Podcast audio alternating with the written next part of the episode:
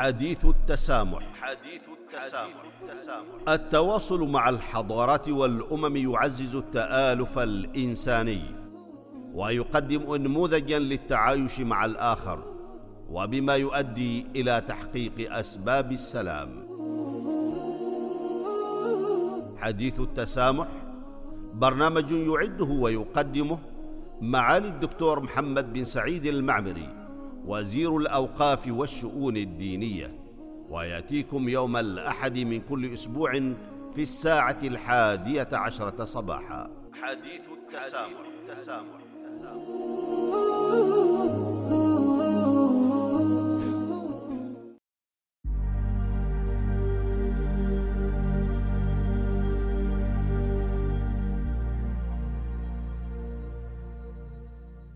بسم الله الرحمن الرحيم.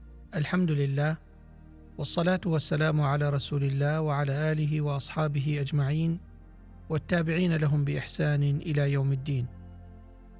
أيها المستمعون والمستمعات الكرام السلام عليكم جميعا ورحمة الله تعالى وبركاته. واهلا ومرحبا بكم في هذه الحلقة الجديدة من حلقات برنامجكم حديث التسامح. تتناول هذه الحلقة عنوان أخلاقيات الذكاء الاصطناعي ودورها في تعزيز القيم الإنسانية المشتركة. فاهلا وسهلا بكم جميعا.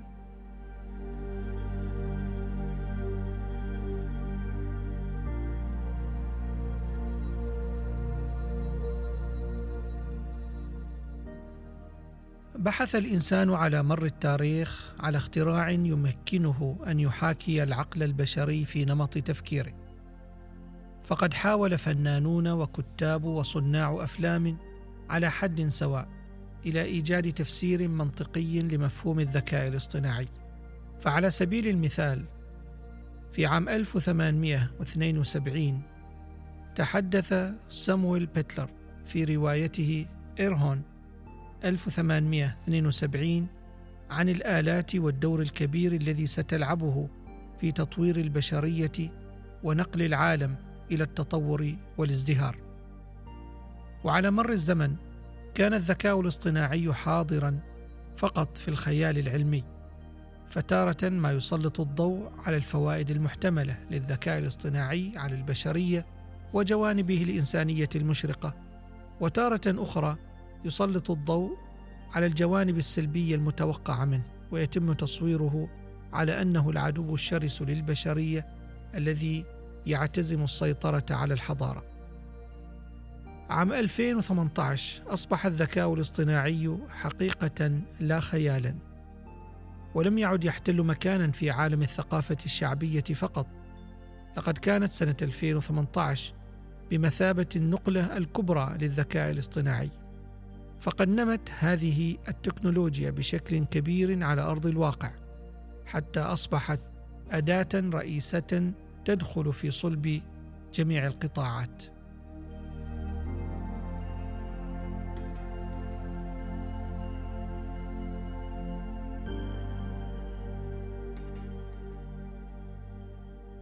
لقد خرج الذكاء الاصطناعي من مختبرات البحوث ومن صفحات روايات الخيال العلمي ليصبح جزءا لا يتجزأ من حياتنا اليومية ابتداء من مساعدتنا في التنقل في المدن وصولا إلى استخدام مساعدين افتراضيين لمساعدتنا في أداء المهام المختلفة.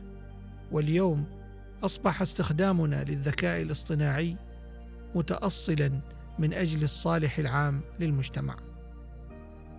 أيها المستمعون والمستمعات الكرام استفادت الحضارات الإنسانية القديمة والحديثة من الابتكارات التكنولوجية والاختراعات والتطبيقات الهندسية المستخدمة داخل المجتمعات لتسهيل الحياة ولكي تزدهر المجتمعات وتتطور أصبحت الابتكارات التكنولوجية امرا ضروريا. وفي الوقت نفسه شكلت هذه الابتكارات ثقافة المجتمعات البشرية ومثلها وتطلعاتها. ونظرا لأن الأنظمة التكنولوجية اخترعها البشر وتعكس جوهر احتياجات السكان وثقافتهم فقد أصبحت المجتمعات البشرية وتقنياتها لا تنفصل عن بعضها البعض. إن الطبيعة الدورية للمجتمعات والتكنولوجيات هي أحد العوامل التي يؤثر فيها كل عامل بشكل كبير على العامل الآخر وينتج عن ذلك تطوير تقنيات مختلفة لتلبية احتياجات المجتمع. تصوغ هذه التقنيات الطريقة التي تتعامل بها المجتمعات مع التكنولوجيا الحديثة مما يؤثر أيضا على اقتصادها وتطورها ونمط حياتها مما ينتج عنه حاجة محتملة أكبر لمزيد من التكنولوجيا مما يؤدي إلى دورة أخرى. كانت هذه العلاقة التبعية للتأثير المشترك والإنتاج المشترك هي الحالة منذ بداية التاريخ مما أدى إلى وجود هذه العلاقة التآزرية.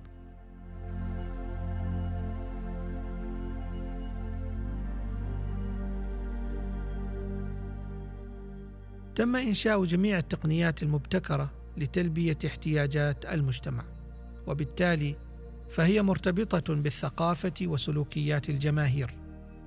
مهما كانت المشكلة التي تحلها التكنولوجيا فإنها تغير سلوكيات وعمليات المجتمع مما قد يؤدي بطبيعة الحال إلى مشكلات جديدة أو هياكل اقتصادية مختلفة أو طرق جديدة للحياة أو أنماط مختلفة لما يتعامل عليه البشر.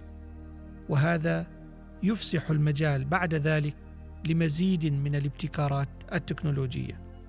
تنعكس ثقافة المجتمع في القيم والأعراف والممارسات وتراقب الثقافة نفسها من خلال الأفراد لتعكس تصوراتهم وممارساتهم وقيمهم.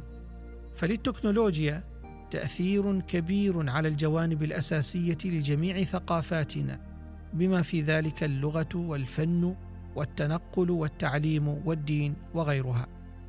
تعمل ثقافة المجتمع كمعيار لإدراك التكنولوجيا والحكم عليها وتقييمها.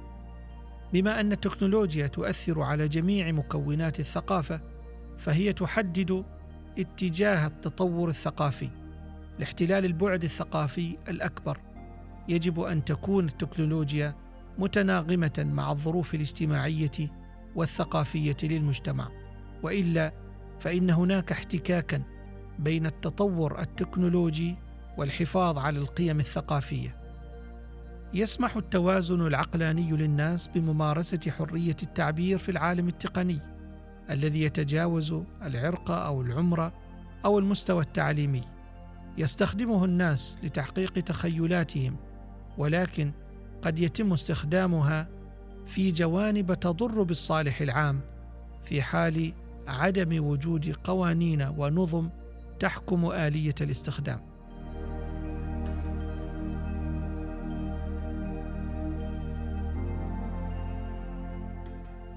مع ازدياد تأثير الذكاء الاصطناعي على تطور البشرية يجب أن تتماشى مسؤوليتنا لإدراك كيفية استخدام هذه الأنظمة والمهام التي ينبغي عليهم القيام بها. وبطبيعة الحال مخاطرها أيضا. منذ عام 2014 قال ستيفن هوكينج إن الجهود المبذولة لإنشاء آلات تفكير يمكن أن تشير إلى نهاية الجنس البشري. مع انطلاق الذكاء الاصطناعي بسرعة أصبحت المشكلات المحتملة لتعلم الروبوتات بمفردها وبوتيرة أسرع من البشر واضحة. تصميم هذه الأنظمة ليس مجرد مسألة هندسية. يجب أن يكون بنفس القدر مسعى اجتماعي وأخلاقي بعمق. وبينما تعد اليونسكو المعايير الأولى في العالم لأخلاقيات الذكاء الاصطناعي فثمة إجماع واسع على أننا بحاجة إلى وضع قواعد لهذا العالم الجديد. نحتاج إلى التأكد من أن هذه الأنظمة تتمحور حول الإنسان وشاملة وغير متحيزة ومتماسكة اخلاقيا. أعزائي المستمعين والمستمعات تبدي سلطنة عمان اهتماما من خلال جاهزيتها لتبني الذكاء الاصطناعي والتقنيات الحديثة. فقد احتلت المركز الثامن والأربعين دوليا والسادس على مستوى الشرق الأوسط وفق مؤشر الجاهزية الحكومية للذكاء الاصطناعي 2020 الصادر عن مركز أكسفورد إنسايت وينظر المؤشر إلى مختلف الجوانب ذات الصلة بالإضافة إلى استراتيجيات الدول الوطنية المرتبة بخطط تبني تطبيقات الذكاء الاصطناعي والرؤى ونظام الحوكمة والإمكانيات الرقمية وآليات التكيف والقدرة على الابتكار ورأس المال البشري والبنى الأساسية وغيرها. من العوامل المرتبطة بتمكين مجالات الذكاء الاصطناعي.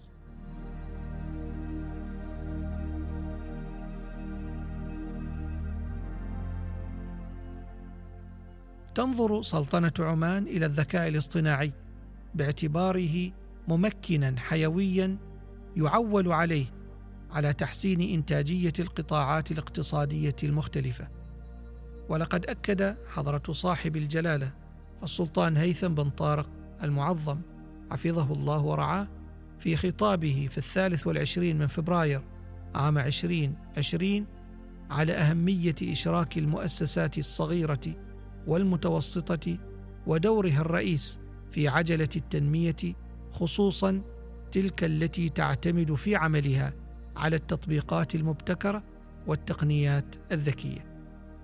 ختاما يجب أن نتأمل قيمنا البشرية المشتركة ونحن نحاول الإجابة عن سؤال الأخلاقيات. فنحن جميعا نتشارك قيما تحدد ملامح الحضارة العالمية ويمكنها أن تسهم في نشر الابتكار لأغراض الصالح العام. تشمل هذه القيم الشعور بالالتزام تجاه المسؤولية الشخصية واحترام الآخرين والاهتمام بهم. وتترسخ هذه القيم في التسامح والتعايش والقيم الإنسانية المشتركة.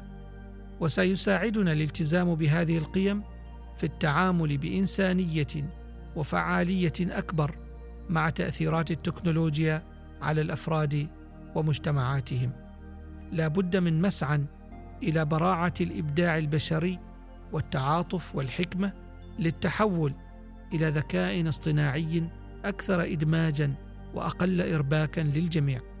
ومن هنا تكمن أهمية دمج القيم الإنسانية في التكنولوجيا لمستقبل آمن نحتاج للاهتمام برفاهية جميع البشر وأن تكون لدينا رغبة في اتخاذ ما يلزم ليكون للجميع مستقبل إيجابي يتطلعون إليه. نقف عند هذا الحد. ونكمل الحديث معكم حول هذه الجوانب في الحلقة المقبلة بإذن الله.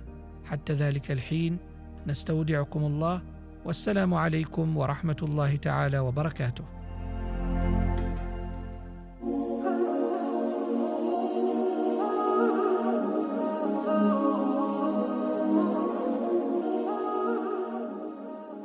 حديث التسامح. حديث التسامح التواصل مع الحضارات والأمم يعزز التآلف الإنساني ويقدم نموذجا للتعايش مع الآخر وبما يؤدي إلى تحقيق أسباب السلام.